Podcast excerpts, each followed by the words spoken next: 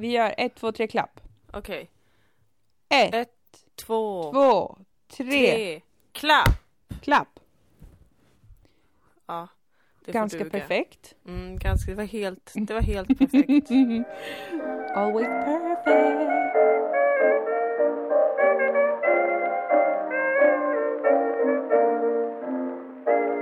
Alltså, jag orkar inte. Merkurius är verkligen jätteretrograd.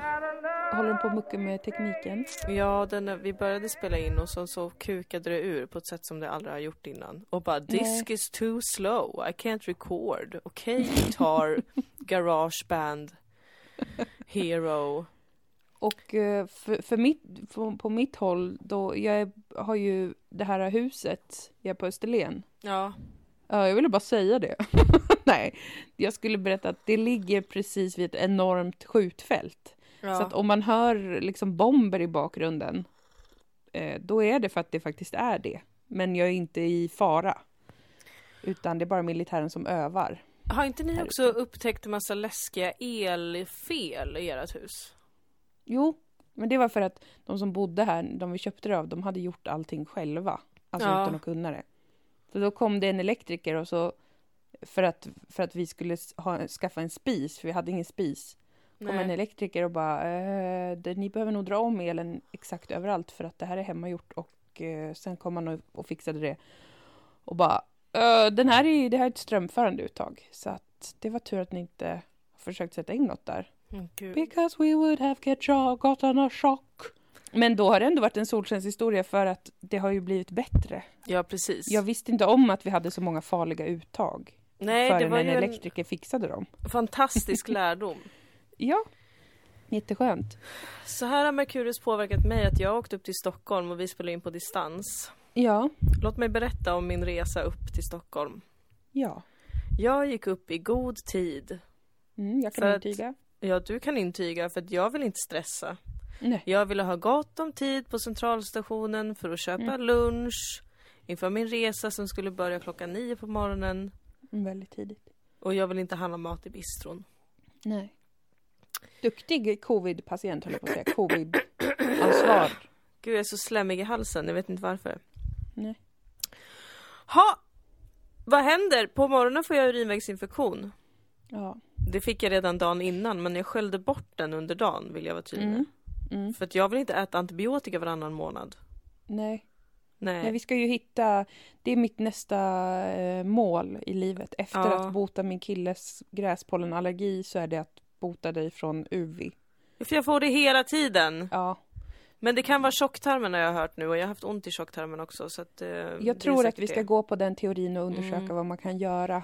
Jag Eh, tror också men, det. men detta var en sidebar som handlade om mig Precis. i relation till din Och dina livsprojekt. Ja. I alla fall, får urinvägsinfektion. Eh, det bränner i fittan. Sitter på Mm. toaletten hela morgonen. Springer in och ut, in och ut. Ringer taxin för sent. Jag ska Ja. naturligtvis ta taxi till centralstationen för jag vill inte åka buss under covid. Nej.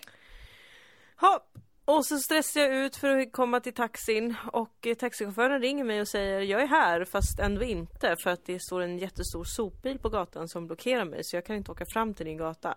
What the nuts? Så jag bara okej men vilken gata är du på? Jag kan komma till den istället och så är vi så fram och tillbaka. Jag bara, "Åh, nu får jag åka fram lite. Jag bara okej då går jag tillbaka. Nej. nu står det still. Ja men då kommer jag ut på den här gatan istället. Kom till den gatan. Ja jag kör dit så ser jag hur han liksom kör runt ut på en annan gata tillbaka. Nej, nej. Medan vi pratar i telefon. Otrolig förvirring. Uff. Och sen är han så, ja nu får jag äntligen köra in på din gata. Jag bara nice, jag kommer tillbaka. Ja. Hoppar in i bilen. Sopbilen fortsätter blockera. Nej. Han tror liksom hela tiden att den ska köra iväg. Men den, gör, den kör bara till nästa port. Nej. Ja, så till slut eh, så får taxichauffören backa ut på enkelriktad eh, väg. Mm. När han hör att ja, mitt tåg går om en kvart. Då får Ja. han lite panik. Ja. Jaha! Jag med. När jag hör berättelsen och då vet jag ändå att den gick bra. Mm. Mm. Och eh, då backar vi ut från gatan, kör iväg, eh, kommer fram till centralen fyra minuter innan mitt tåg ska gå. Åh, det är för snart. Jag hinner inte köpa mat, jag hinner heller inte köpa 15 liter apelsinjuice jag hade tänkt dricka för att skölja ut min UV. Nej. Så att jag går alltså här och är skakig av sveda och kissnödighet. Åh, fy. När jag ska gå på tåget har jag tågpersonal stå utanför och prata om olika citat missar som triggar mig. Det kändes väldigt Merkurius retrograd. Vilket otroligt samtalsämne. Missar Verkligen. som triggar mig. Och jag undrar Mm. verkligen vad det var för missar, om det var i hans privatliv eller om det var liksom SJ eller vad, vad det kan vara. Ja, det är jag också nyfiken. Hör av dig om du känner dig träffad. Att det var du som pratade om det här.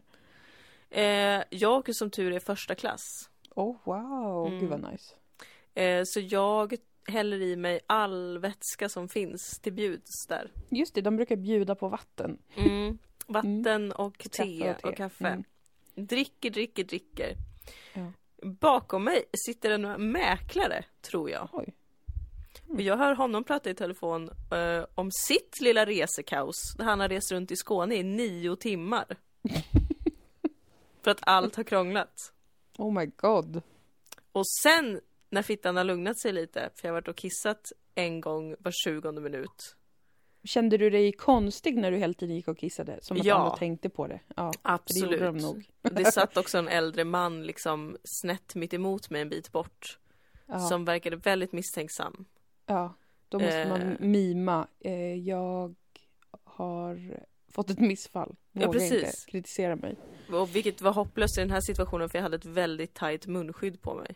Ja, det, det går inte ens att mima att man... Ingen kunde förstå vad jag gick igenom. När Nej. jag liksom fyllde ett glas, en mugg och min termos med olika drycker. Jag trodde att du var en sån uh, nykter alkoholist som ändå Ja. måste ha kvar vanan att få dricka hela tiden. Ja, och ver- verkligen dricka ur termos också. Jag brukade dricka vin ur den innan men eh, det är ett annat liv nu. Det är ett annat liv. Eh, så går jag till bistron. Ja, Alltså allt det här händer under morgonen. Alltså klockan är inte ens tio där vi Åh befinner oss nu. herregud. Mm. Och när det liksom har lugnat sig lite så går jag till bistron för jag tänker så här, okej men då ska jag i alla fall köpa lunch innan ruschen här. Mm, smart. Och kanske kolla om de har lite juice. Mm. Nej, då har de begränsat utbudet radikalt för att Varför? försäljningen har gått ner så mycket under covid. Jaha, ja. Så jag köper en juice, en smoothie, en smörgås och olika nötter. Det låter hälsosamt ändå.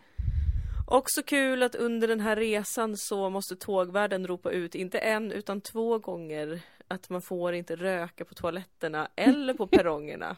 Någonstans i hela Sverige. Är det sant? Vadå Mm. inte på perrongerna? Hur ska folk Nej. göra som vill ta en cigg då? Jag vet, Vad fan har de tänkt? Det här är folkhälsofascismen, det här är sossarnas fel, ja, vi det är puritanfanism. Ja. Fascism. Det är det. Fan vad äckligt gjort. Okej, man får inte röka inne, det vet väl alla nu för tiden.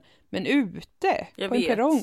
Det måste väl finnas en liten rökruta i alla fall? Jag vet, och det var nog så den personen kände som var så pass desperat att den hade försökt röka inne på toaletten. Ja. Jag råkade också gå på den toaletten, för jag, jag försökte variera lite. Jag var så här, jag kan inte alltid gå på, i första klass. Nej, Jag måste låtsas som att jag ska göra något annat på du har tåget. jättemånga ärenden hela tiden. Ja. Så jag gick också i andra klass, där Ja. pöbeln går. Ja. Och där var det en toalett som verkligen var, alltså det var tobak överallt där inne. Det var någon som i, i ren desperation hade trasat sönder sina cigaretter Gud. för att komma Oj. undan. Oj, oj, oj. Så är det i andra klass. Det var bara en, en öm liten berättelse om liksom eh, Merkurius retrograd. Ja. Och hur den kan Och drabba en Sverige kvinna. idag. Och Mm. Sverige idag. Fruktansvärt. Ja, och du, men du klarade ändå fem och en halv timme av detta. Jag klarade det med det tack vare mantrat Merkurius i retrograd Dilan. Du måste hålla dig lugn. Ja. Allt går över är också mitt motto. Mm. Det kan man ta med sig där ute. Om man inte har ett sant. motto och känner komplex över det. Jag Så delar jag med mig av allt går över. För det gör det. Det är faktiskt sant.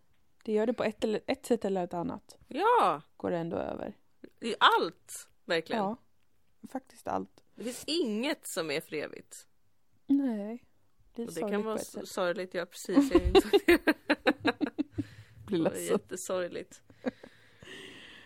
Ja, Ja. Jag, det tyckte jag var roligt att dela med mig av. Mm, det var en vacker anekdot. I veckoboken. Ja, Dilan Moas veckobok. Mm. Och nu är du där och ska vara där två veckor ungefär till va? Ja, Mm. det, det är jag. Det är jag, precis. Och Mm. eh, jobba och sen vara lite med min familj också. Ja, det är bra du. You're a good family man. I'm good. a, I'm a true family man. I'm Ja, a, I'm a, jag är en, en sån Don Draper family man. ja det försvinner. Mm. Sen kommer vi tillbaka. Förlåt, jag gäspar så mycket.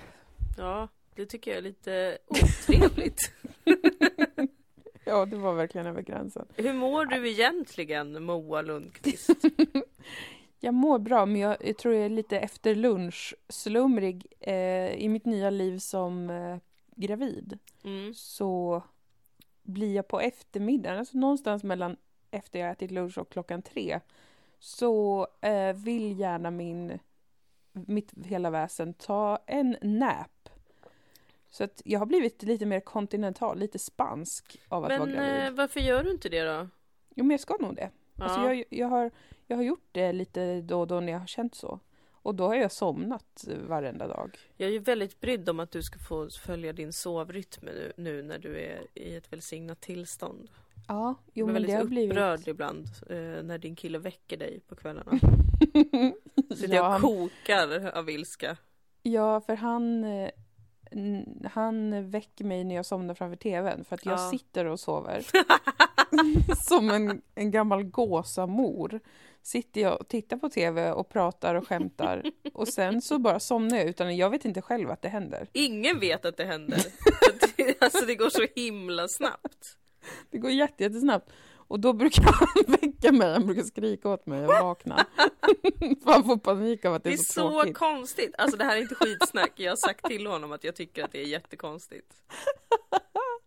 Det är som att han får panik för att det är så tråkigt att jag liksom bara zonar ut jättesnabbt och försvinner. Det förstår jag i och för sig, jag hade nog tyckt att det var jättetråkigt också. Om han bara somnade som en död hela tiden. Jag har en väldigt stark princip om att man väcker inte den människa som sover på en soffa. Nej, nej, men det, det är väldigt skönt att få sova så också. Vanligtvis, oj, nu försöker någon annan ringa mig. What? Aldrig i livet. Jag avböjde det rakt av. Oj, var det ett främmande nummer? Ja, det var, det var någon försäljare antagligen. Oh, det är det nya Sverige det. Gud, de Man blir låter för den full. aldrig vara. Fy fan. Nej men, eh, nej men så jag sover lite mer än vanligt. Jag sover kanske nio timmar i sträck på nätterna. Och eh, sen 30 till 60 minuter på dagen. Wow. Fan vad gött det är. Alltså jag är så glad och lycklig över hur gott jag sover. Jag vaknar inte ens för att kissa på natten. Trots Nej. att nu så växer ju min livmoder och pregar sönder runt i mina inälvor. Mm. Eh, men jag känner mig inte kissnödig på det normala sättet. Utan det är bara att jag vaknar på morgonen och så känner jag som att någon har spänt upp något lite högre upp i buken. Mhm. Som trycker. Och så är jag så här, vad är det här? Tänker jag varje morgon. Har jag lite magknip?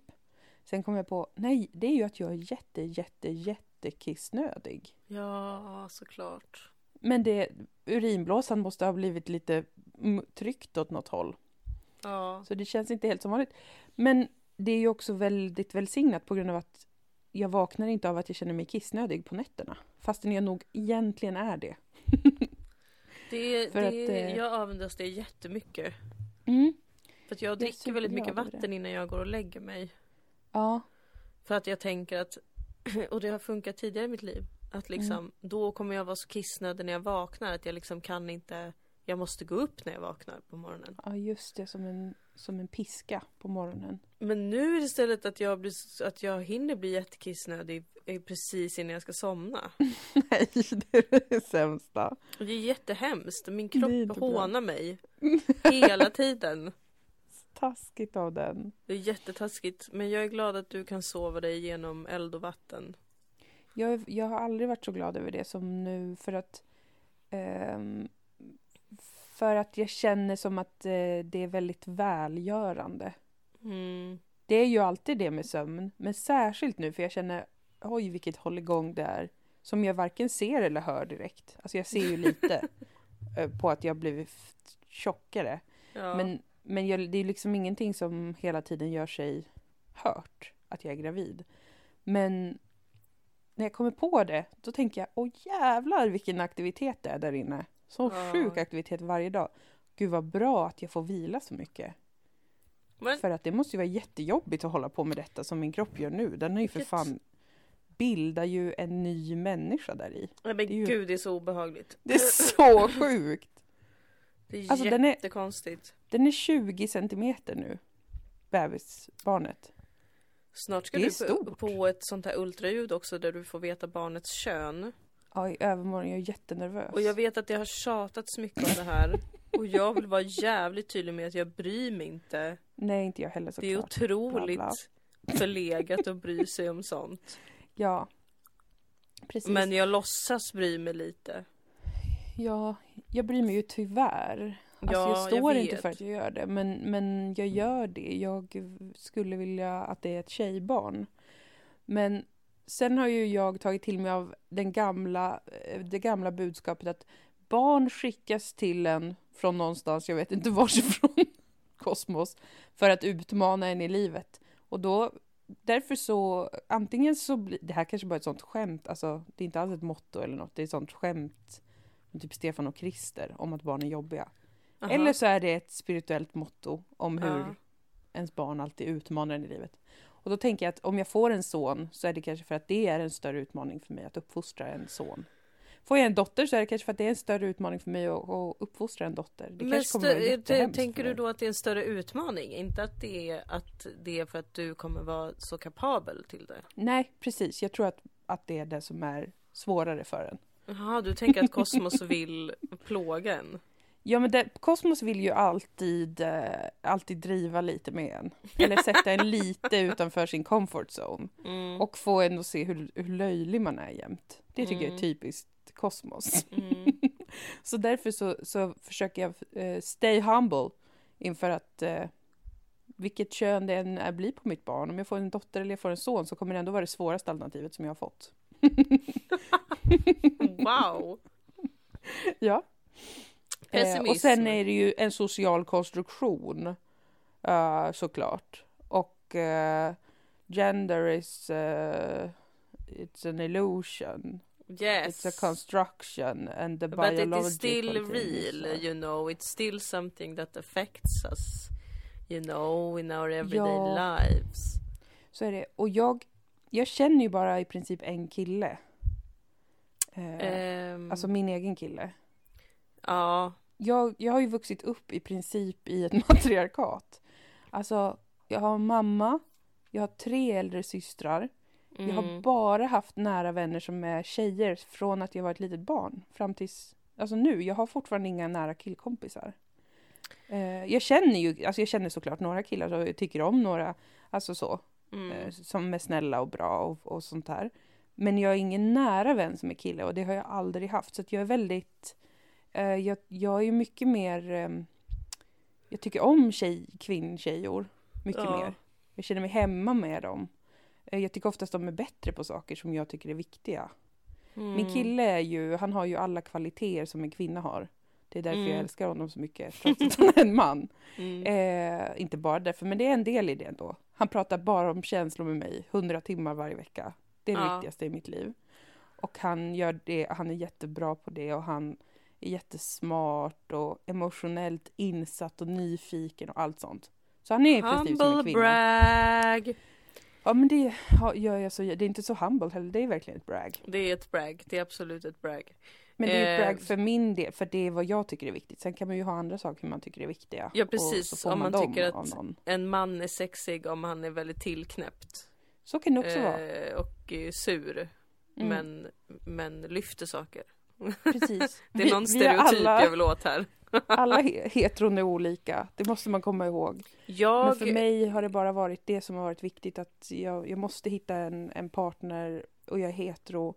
Så han måste vara så lik en kvinna som möjligt i personligheten. För jag attraheras ju inte av kvinnors utseenden Mm.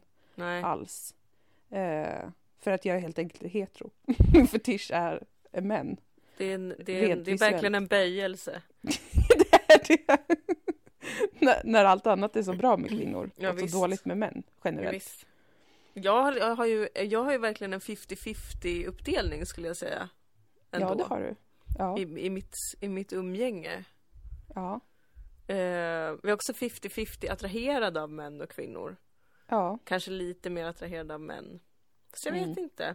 Men också att jag liksom avskyr kvinnor väldigt mycket. Men också avskyr män väldigt mycket. Ja, men det, där tror jag att vi är lika ändå. Alltså jag avskyr också, alltså på individnivå avskyr jag nog lika många kvinnor som män. Ja. Alltså som man vet om eller stöter Men jag på har ju avskytt kvinnor på en strukturell nivå också sen, sen barnsben. Mm, det har du ju gjort. Du har ju avskytt kvinnlighet kanske. eller Ja, det feminina gud, ja. På ett helt Ja, annat sätt. precis. Inte kvinnor men absolut kvinnlighet. Ja, Fy vad usch. ja, ja. Jag har sett det, jag har vuxit upp i det, jag hatar det. Utan att liksom vara trans.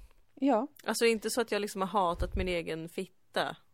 Så. Nej, du har inte känt dig obekväm i ditt I min biologiska kropp. kön. Nej, precis. Du har varit obekväm med, med de eh, konstruktionerna kring vad femininitet är till exempel och vad det ska innebära. Ja, Mm. har och- precis ja. Mm. Men, eh, men nu är jag på en mycket bättre plats. Jag kan, jag kan tycka om det feminina också. Mm. Mm. Och det maskulina. Ja, det finns bra saker med båda, men, men sen, sen, eh, sen... För egen del så tänker jag ju också...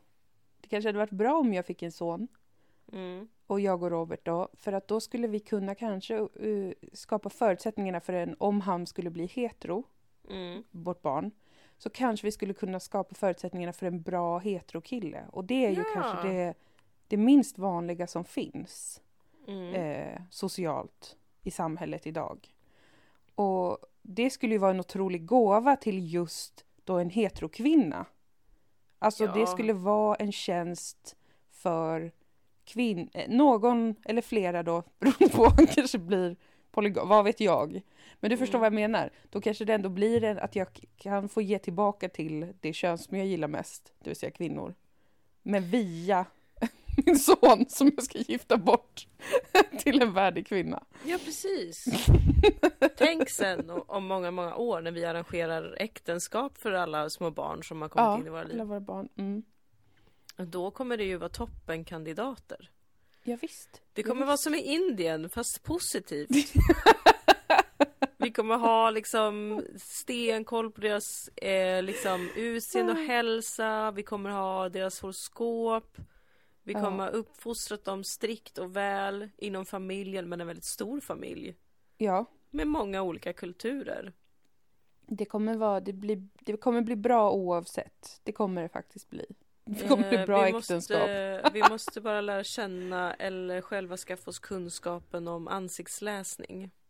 Okej. Så blir vi den här Indian matchmaking. Ja, just det, jag har ju inte sett det, men det låter Nej. fullkomligt rimligt att vi skulle försöka bli bra på det båda två också då. Jag tycker att det är jättespännande med ansiktsläsning. Jag tror man kan se jättemycket bara i en människas ansikte.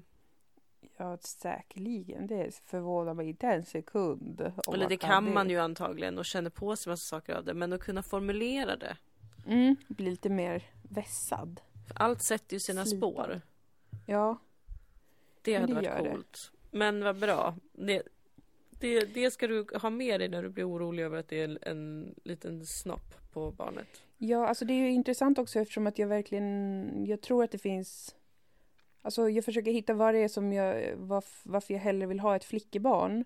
Och jag tror att det är primärt identifikationsgrejer, sådana där saker som jag nämnde att jag, alla mina nära relationer har varit kvinnor i Mm. mitt liv, förutom min nu då, baby daddy. Mm. Men sen så tror jag också att det har att göra med att jag tycker att pojkbarn är fulare. Jaha.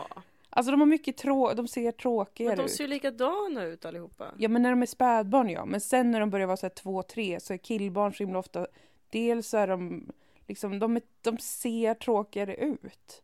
De är inte lika, alltså de har Jag vet inte vad det Men är, det är väl för att de att får ofta är tråkigare kläder eller? Jag tycker att alla barn ser likadana ut fram tills att de är typ 8-9. Nej men du vet när de är typ tre, men det kanske är det att jag tänker på alla som klär sina pojkbarn i så fula, fula kläder. Ja. Och så, så tänker jag nog på att eh, och det kanske är en väldigt biologistisk syn, det kanske inte alls finns någon sanning i det, men jag, tror, jag har en känsla av att i den åldern att det, är, att det är som att, fast det är det där med att det är större skillnader över, mellan individer än vad det är mellan de respektive könen. Men jag, träff, jag känner ju, de flesta jag känner har ju pojkungar. Det är också Mm. det, jag tycker det är lite tråkigt. jag skulle vilja att det var fler tjejbarn. Men i alla fall.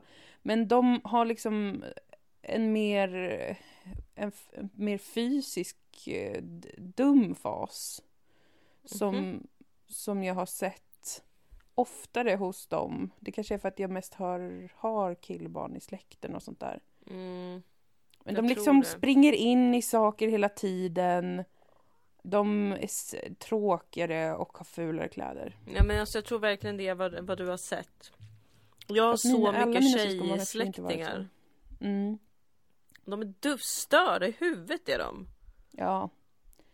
En av dem försökte bita av mitt finger. Ja, men hon är ju galen. Ja hon är galen och det är ju erkänt. Som sagt, det finns kanske större individuella skillnader över hela spektrat med människor. Ja men jag tror det. Men det är ju de också biologiska könen. den här grejen med att man så himla tidigt ju, ursäkta tråkkärringen, får liksom Genus A. Ja, nej men jag kom precis från en föreläsning som var så intressant om hur typ så här killar bara så här får lära sig att ta risker mycket tidigare. Mm, men gud vad intressant, jag har aldrig hört något liknande. Ja, nej men det är så himla, så himla unik tanke. Jag vet inte om du vill skriva ner. Nej, men Vill visst- du det? Vill du skriva ner? Skriv Jag skriver ner det. Nej, men skriv jag, ner det då. Jag har ju faktiskt läst Genus A på Södertörn så det är jätteintressant för mig. alltså jag har det på riktigt. Ja. Och B. Eh, men, men vad heter det nu?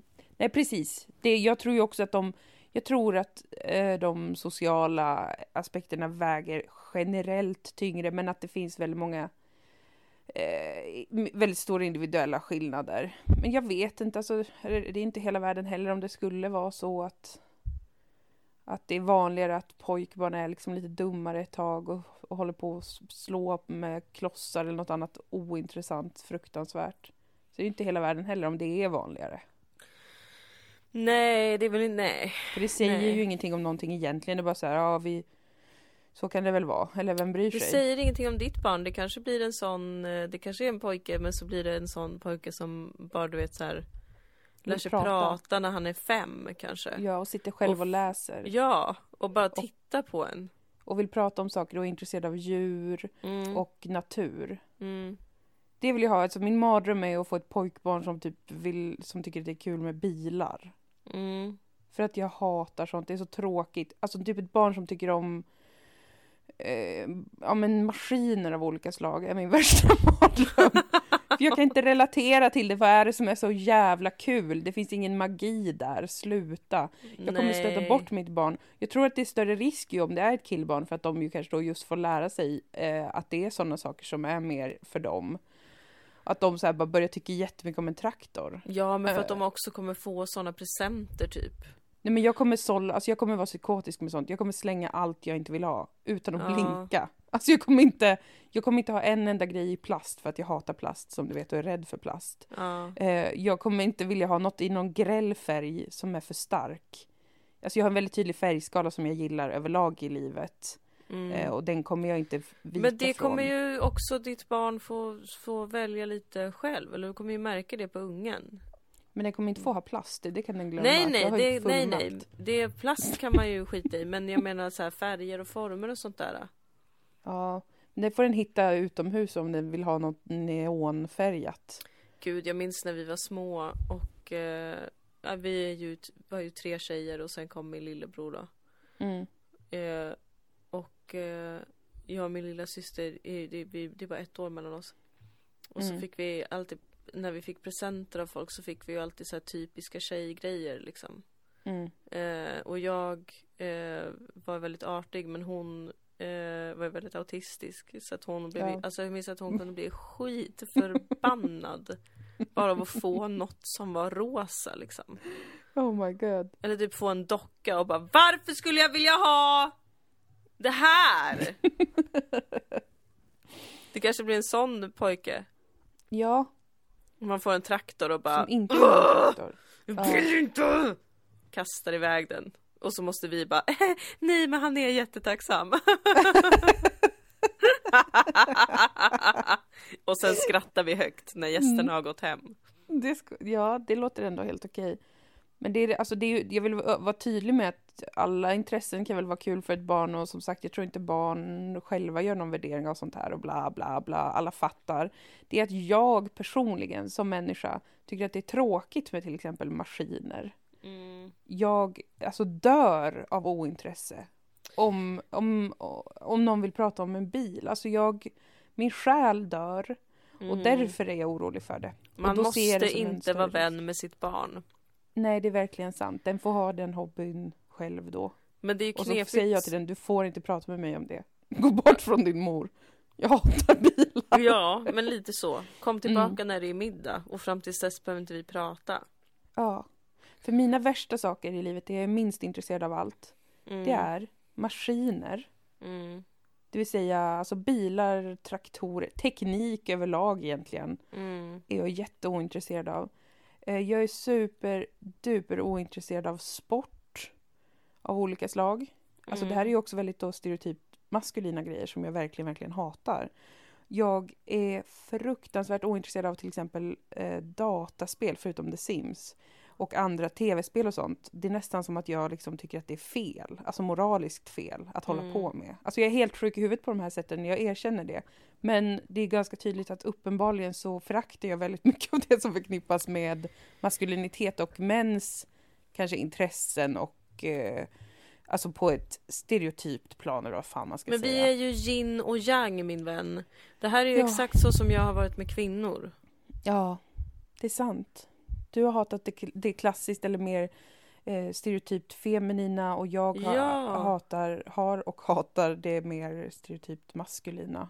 Avskytte. Vi, Ja. Verkligen hatat det. Ja, Men, eh, men det går ju att närma sig det igen. med lite hjälp. det. Men jag tror att du behöver få lite killkompisar kanske för att komma dit. Här kommer en twist. Vissa saker gillar jag ju som är väldigt ändå maskulint präglade. Typ att vara händig. Mm. Det gillar jag. På ett sånt sätt att jag vill vara det själv, men jag orkar inte. Alltså att Mm. kunna rå om sig själv, kunna typ jaga. Sånt tycker jag är coolt. Det har jag respekt för. Att Ja. kunna hantera så djur och natur. Ja. Och typ, eh, ja men, ta, ta så, vara var ansvarsfull på sådana sätt. Det är ändå, men det kanske inte är så intressen direkt. Det är ju mer bara personlighetsdrag som man kan gilla. För att de signalerar ansvar och eh, trygghet typ. ja, men de är väl fortfarande lite maskulint kodade. Jo men det är de ju ändå. Särskilt typ, alltså att kunna skjuta ett djur i skogen. Det har jag respekt Mm. för. Det är så himla norrländskt. Ja, men det tycker jag ändå är coolt. Alltså man gör det för att man, eh, ja. Inte, inte att man är ute på savannen och skjuter ett, ett, ett sällsynt eh, djur, utan för att man kanske man har någon Vi tar bättre anledning. avstånd från tjuvjakt på Ja. utrotningshotade arter eh, Ja, i den här precis. podden. Det gör vi verkligen, men, men inte det andra, det som är i samklang med naturen. Mm. Mm. Så det, det, men det är väl detta man har både maskulint och feminint i sig och bla bla bla, eller vad allt, allt vad allt är. Ja men det har man ju. Man får bara hitta Det är verkligen är fascism. Alltså Mm. ibland kan jag bli så arg inombords över det här. Att vi någonsin, den här, äh, vad är det man kallar det? Den binära, den binära strukturen, säger man så? Mm. Alltså svartvitt.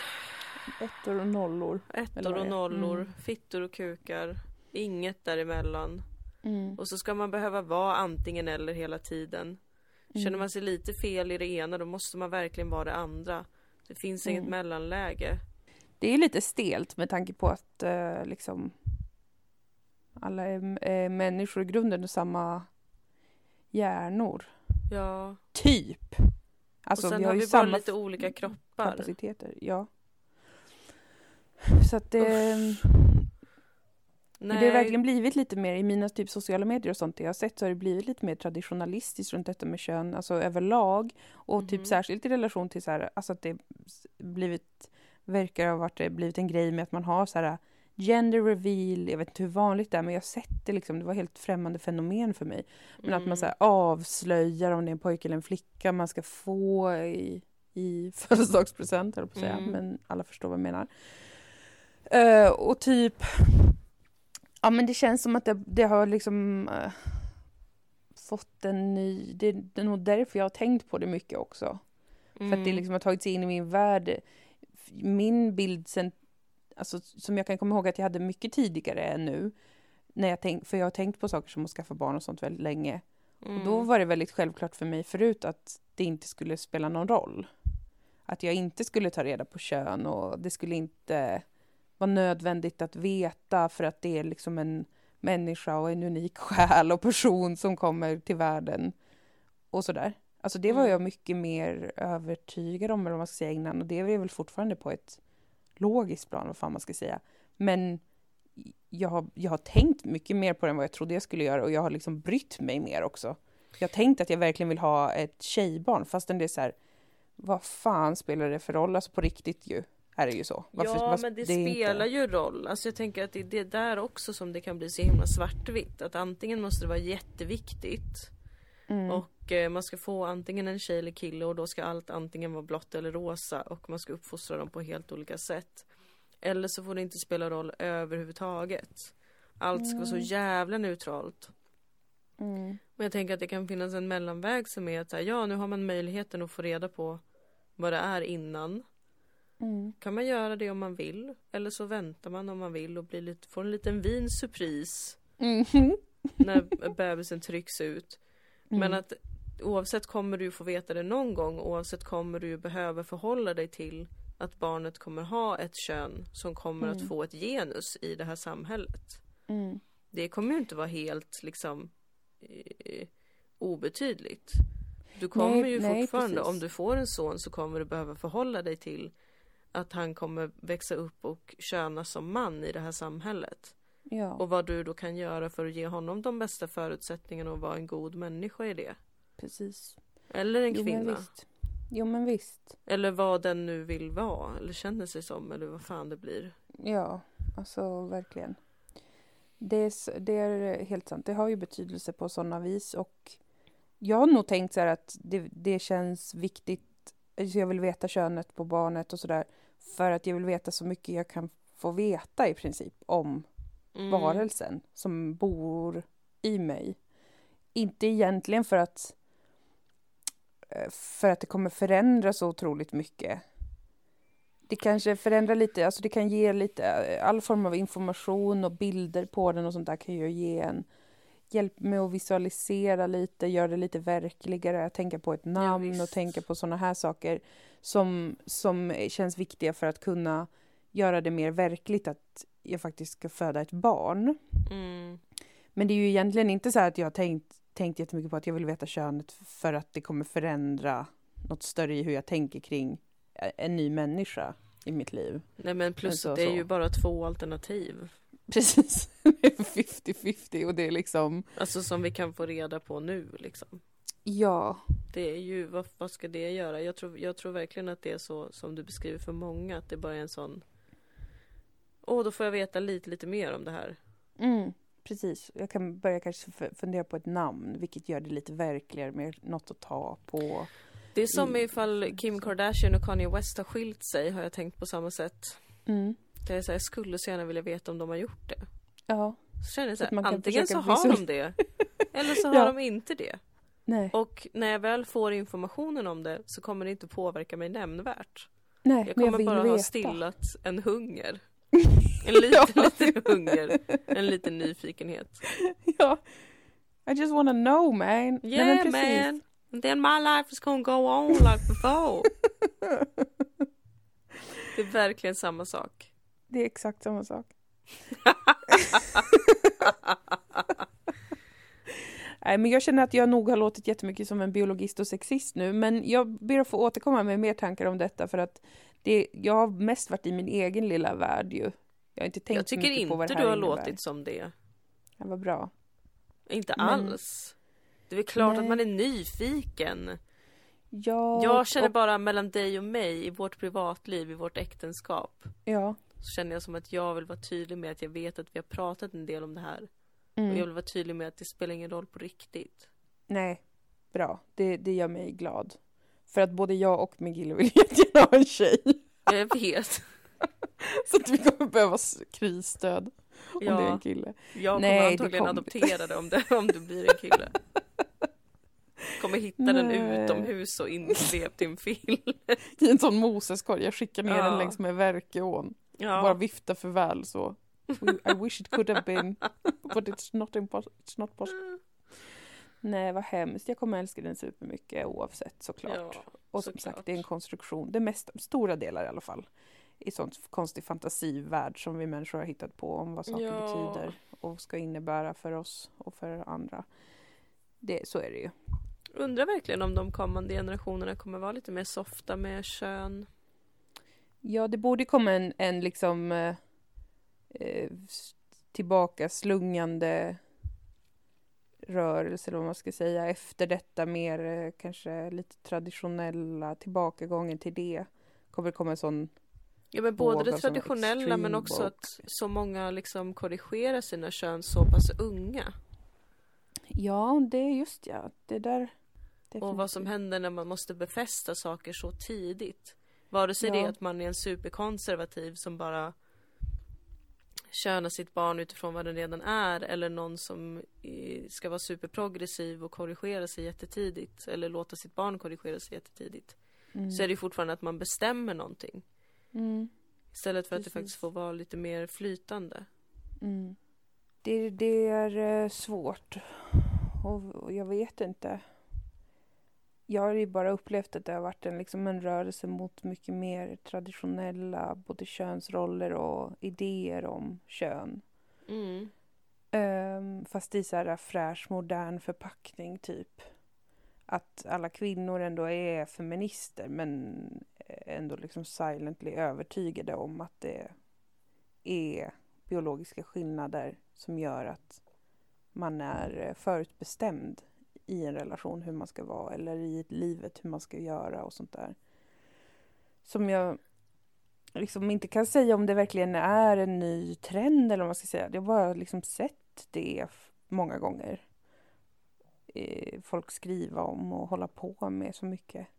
Jag, bara Jag känt tycker det bara, känns som Det är en, bara här vi är, typ. Okej. en ny trend hade ju känts som att man får medge att det finns biologiska skillnader men Mm. att de inte behöver leda till samma gamla trötta könsroller.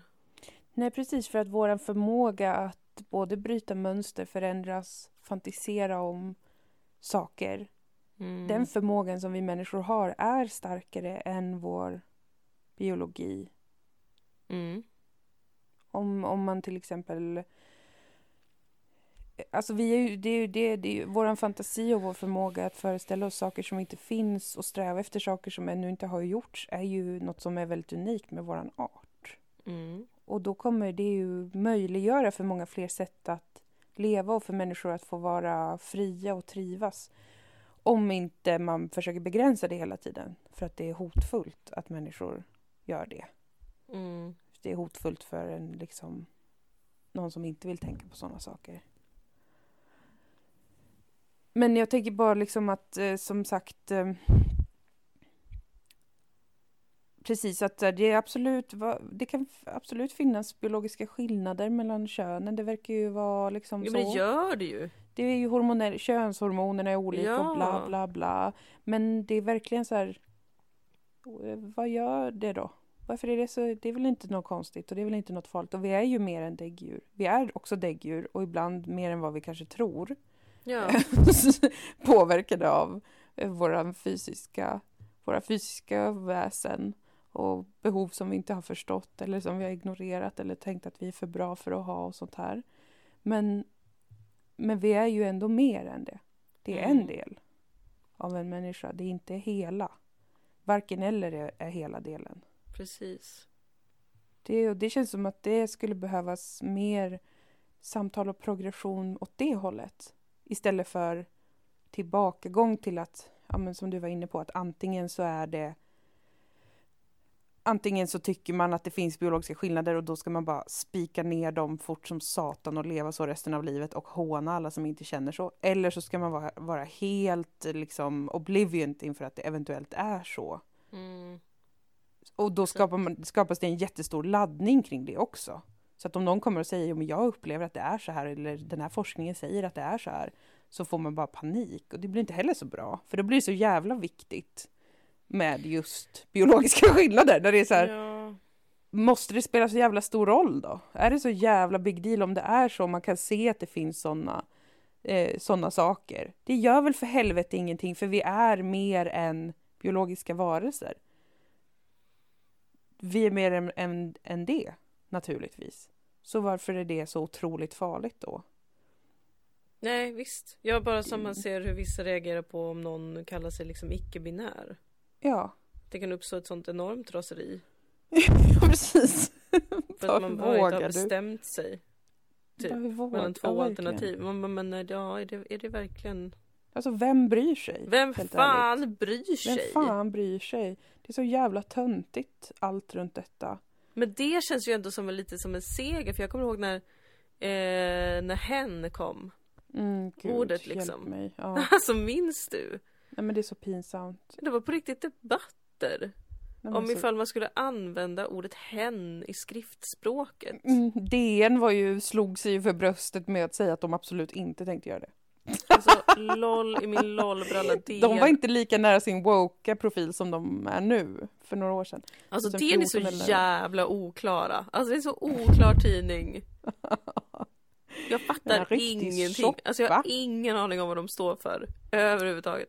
Nej, riktigt eh, pinsamt. Men nu har det ju verkligen blivit, alltså för det var ju, det är ju bara ett ord som är så här, gud vad användbart. Ja, alltså precis. Alltså gud vad skönt. Det är väl det är hur som helst. superanvändbart om man inte vet eller...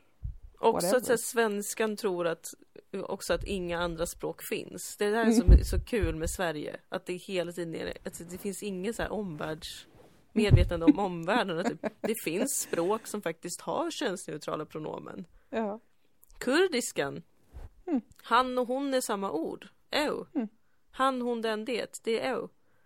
Ja. Och sen så kan det böjas på lite olika sätt. Men alltså att det skulle vara så speciellt för oss att få ett könsneutralt ord. Mm. Istället för typ, just det, varför kom vi inte på det för länge sedan? Men nu är ju det ett ord som används alltså, så himla okomplicerat på Ja, många platser. Nu känns det ju otroligt sjukt att det var en grej ens För överhuvudtaget. bara några år sedan. Ja, alltså överhuvudtaget det är bara så, det är sånt jävla... Åh, vad pinigt det var. Vad kommer härnäst Men när man tänk- börjar använda ett sånt ord? Man bara går iväg från mig. Eller vad är det frågan om? Det är för tråkigt att be. Alltså snälla. Det är vidrigt. Oh god. Men det var ju verkligen också under vår livstid som samkönade äktenskap blev tillåtet. Ja, alltså det är faktiskt otroligt eh, lätt att glömma det faktiskt. Nästa steg, mängdneutrala äktenskap. Jag har sagt du förr och jag säger det det. igen. Dilan och Moa podcast vill, jag antar att du är med mig på det här. Jag är med dig på det Vill här. ha mängdneutrala äktenskap. Jag vet inte vad jag signar upp mig för, men jag litar på dig blint i denna Du signar fråga. upp det för månggifte. Ehm, Ja, men det, blir, det låter progressivt ändå. Kör på det. Jag vet ju att du har bra argument för det där. jag har jättebra argument för det. Jag orkar inte dra alla nu, men de är verkligen toppen. Vi är för månggifte och eh, mer, ett mer framskridande samtal Att om... älska fler är kön. också queer. Oj, åh gud. Ja, Mm. så jo, men Det är kändes som något jag har läst på ett plakat för många Det har, man, gånger. ja, det har jag säkert skrivit på ett plakat, plakat någon gång i tiden. Har man gått runt och skrikit i sina dagar? Jag hade ju en ganska stark eh, teori redan när jag gick på folkis. Mhm. Ehm, det var, jag ska sluta kalla saker för teori, men jag minns det på tal om att älska fler är också queer. Mhm. Att jag, det här har jag nog berättat om, men att jag eh, eh, hade en, en teori om att liksom våra relationer ser ut som mer som en mindmap. Man själv är ju i centrum i sitt eget liv, som Mm. blubban i mitten. Sen har man liksom ett superintegrerat nätverk som går ut åt alla håll, om man har tur och känner folk. Och så kan vissa relationer vara under perioder, jag ser det framför mig som en mindmap, där vissa av de här strecken och bubblorna liksom lyser upp starkare. Mm. Och andra kanske starkare i perioder, svagare i perioder, kan vara lite pausade och sen aktiveras. Mm. Och att eh, att det inte går att säga liksom hierarkiskt att det här är den number one viktigaste och sen är det här min tvåa, min trea, min fyra. Ehm, för att det är en, en dum förenkling av hur, hur vi interagerar och tycker om varandra som människor. Ja, visst, hur det kärlek var ju väldigt- funkar. Jag är väldigt queer eh, för att vara en ung kvinna i Malmö. folkhögskola, det är ju inte ens ett riktigt universitet.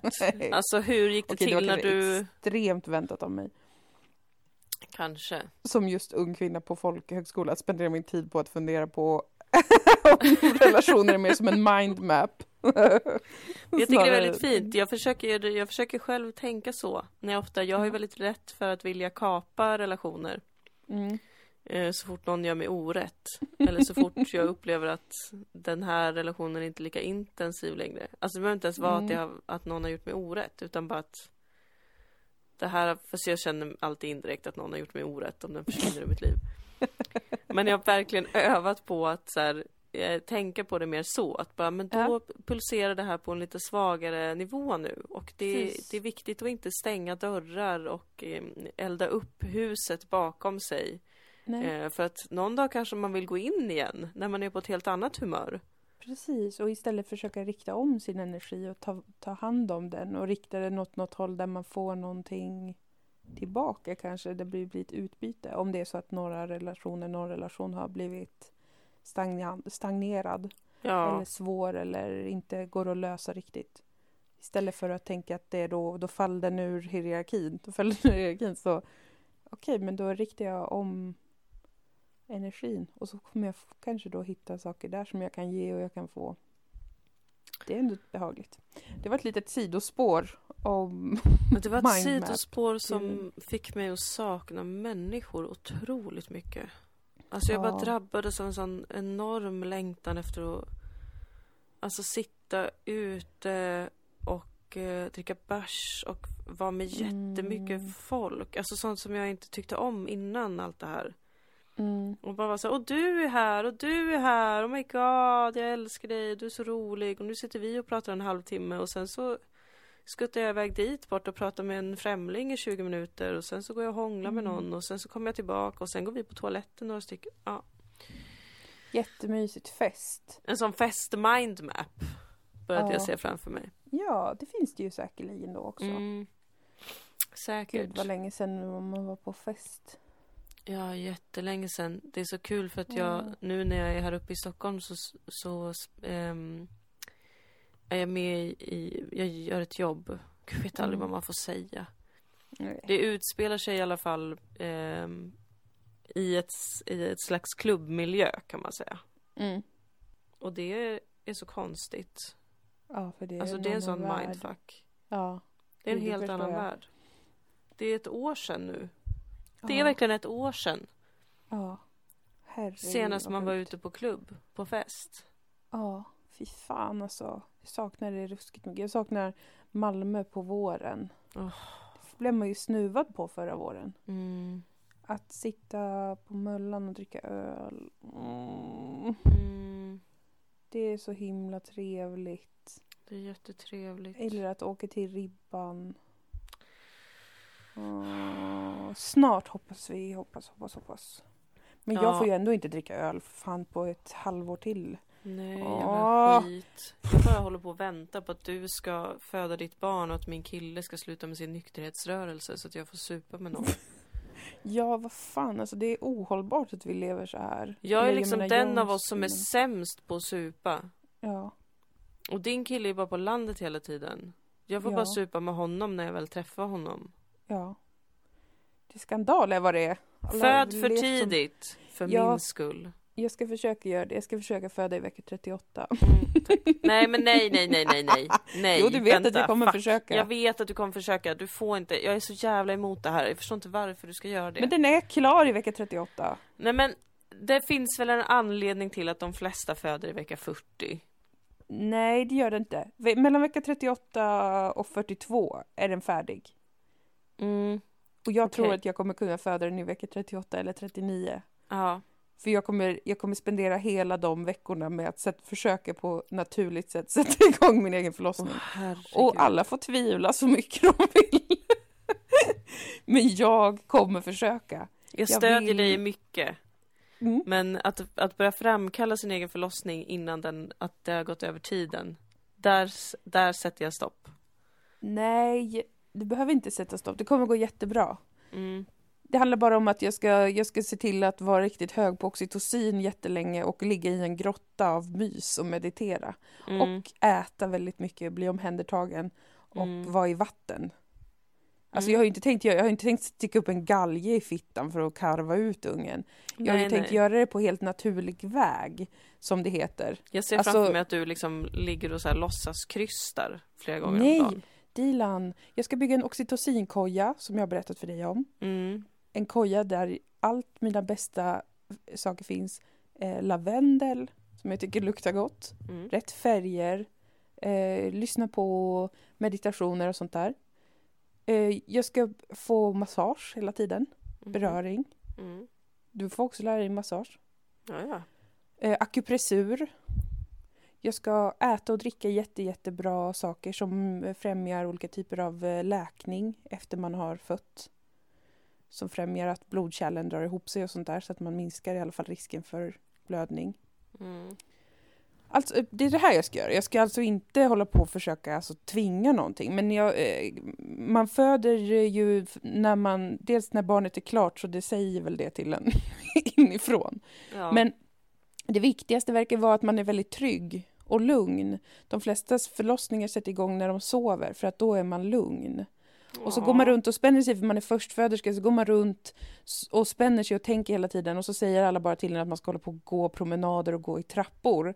Men det, det duger inte. Man måste få ett starkt högt påslag av det kroppsegna oxytocinet och sen bara in i det, in i bubblan, in i det.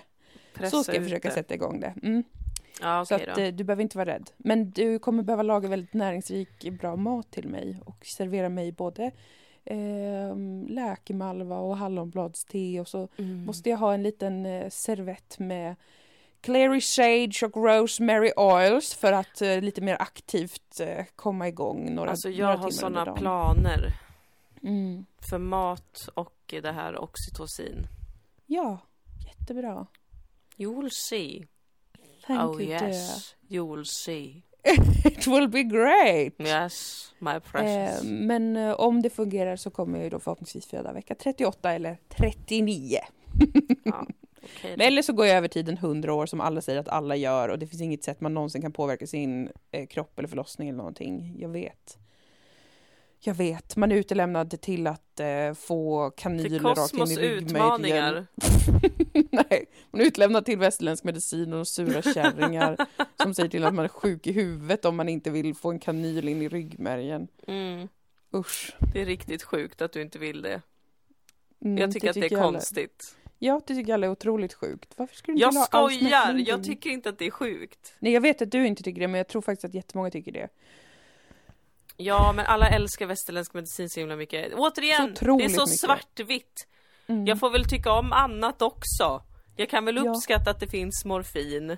Jag kan jag väl uppskatta att jag kan köpa en liten salva på apoteket. Ja. När jag får svamp i underlivet. ja. Istället för att försöka Nej, men jag är urtacksam. Jätteglad över, över alla medicinska framsteg. Hurra, hurra, hurra. Hur mycket beröm vill ni ha? Hurra, hurra, hurra. Ni är bäst. Men- Åh, ni är bäst. Ni är bäst, det äger. Alltså jag tycker verkligen det. Men det räcker ju inte, för det är samma sak där. På samma sätt som vi inte bara är en biologisk varelse när det gäller vårat, eh, vår, vår kön, våra kön, vår identitet, så är vi inte det vad gäller vår hälsa heller. Nej. Det är inte bara kroppen, det är inte bara köttet som, som blir sjukt eller som har ont. Det är hela väsenet. Och det är inte bara så att man bara påverkas av väldigt stark ångest eller oro. Man påverkas av ganska basic nivåer av stress och oro. Och är det någon gång man kan känna stress och oro så misstänker jag att det är när man föder sitt första barn. alltså, så att det är liksom Kan inte vara. så jätte... Kan vara. Kan vara lite ovan situation kanske. Om du är en sån som tycker att det är helt sjukt att försöka undvika epidural, hör inte av dig. Vi är Hör inte intresserade av av, dig. debatt. Nej, jag är inte intresserad av debatt. Jag är inte intresserad av att höra fler som säger det var det enda som funkade, det enda som räddade mig, det är det enda bra. Jag, jag förstår att det var det för dig. Grattis till det. Att det gick bra och till barnet och, och så vidare. Det är jag glad för, för din skull. Men det finns en hel värld av vänner som inte vill ha det. Och då kanske man måste jobba på med andra grejer svinmycket. Det är inte som att det är en easy way out. Verkligen. Nej, nej, Man nej. måste jobba på som en dum idiot i flera månader innan med att eh, öva på vissa typer av andningstekniker och på counter pressure och så vidare som smärtlindring. Så är det ju. Men det är jag beredd att göra för att jag tycker att det verkar så obehagligt att... Eh, eller jag tycker det är obehagligt med sjukhus och kanyler och med droger som jag inte tar för att jag är på fest. Mm. Festdroger, svinkul. Bring it. Men inte när jag ska vara på ett sjukhus. Fel tid att bli drogad för mig. Det passar inte mig. I don't want Jag it. ser jättemycket fram emot att ta lustgas. Det ska du få. Lustgas, det kan jag vara fine med. Det känner jag kan vara lite kul. Det har jag ju tagit några gånger på ett ställe i Köpenhamn. Mm. Eh, där de har hemgjord absint och ballonger med lustgas. Var jag du med någon gång det? i, Nej, jag var aldrig Nej. med. Jag tog det någon gång i gymnasiet från en sån lustgasballong typ eller vad fan det var. Nej, det var du som Mm. hade ballonger. Jag hade någon liten flaska. Mm. Började blanda ihop våra minnen. Okej. Danger Eh. Men eh, jag tyckte inte det var så speciellt. Och sen Nej, sa någon att lungorna kan frysa sönder av det så jag blev livrädd. Nej men gud, man kan, det är som med alla droger. Om, om man också hinner bli rädd eller stressad så är det hemskt. Ja. Det är återigen för att vi är vi består av många saker samtidigt.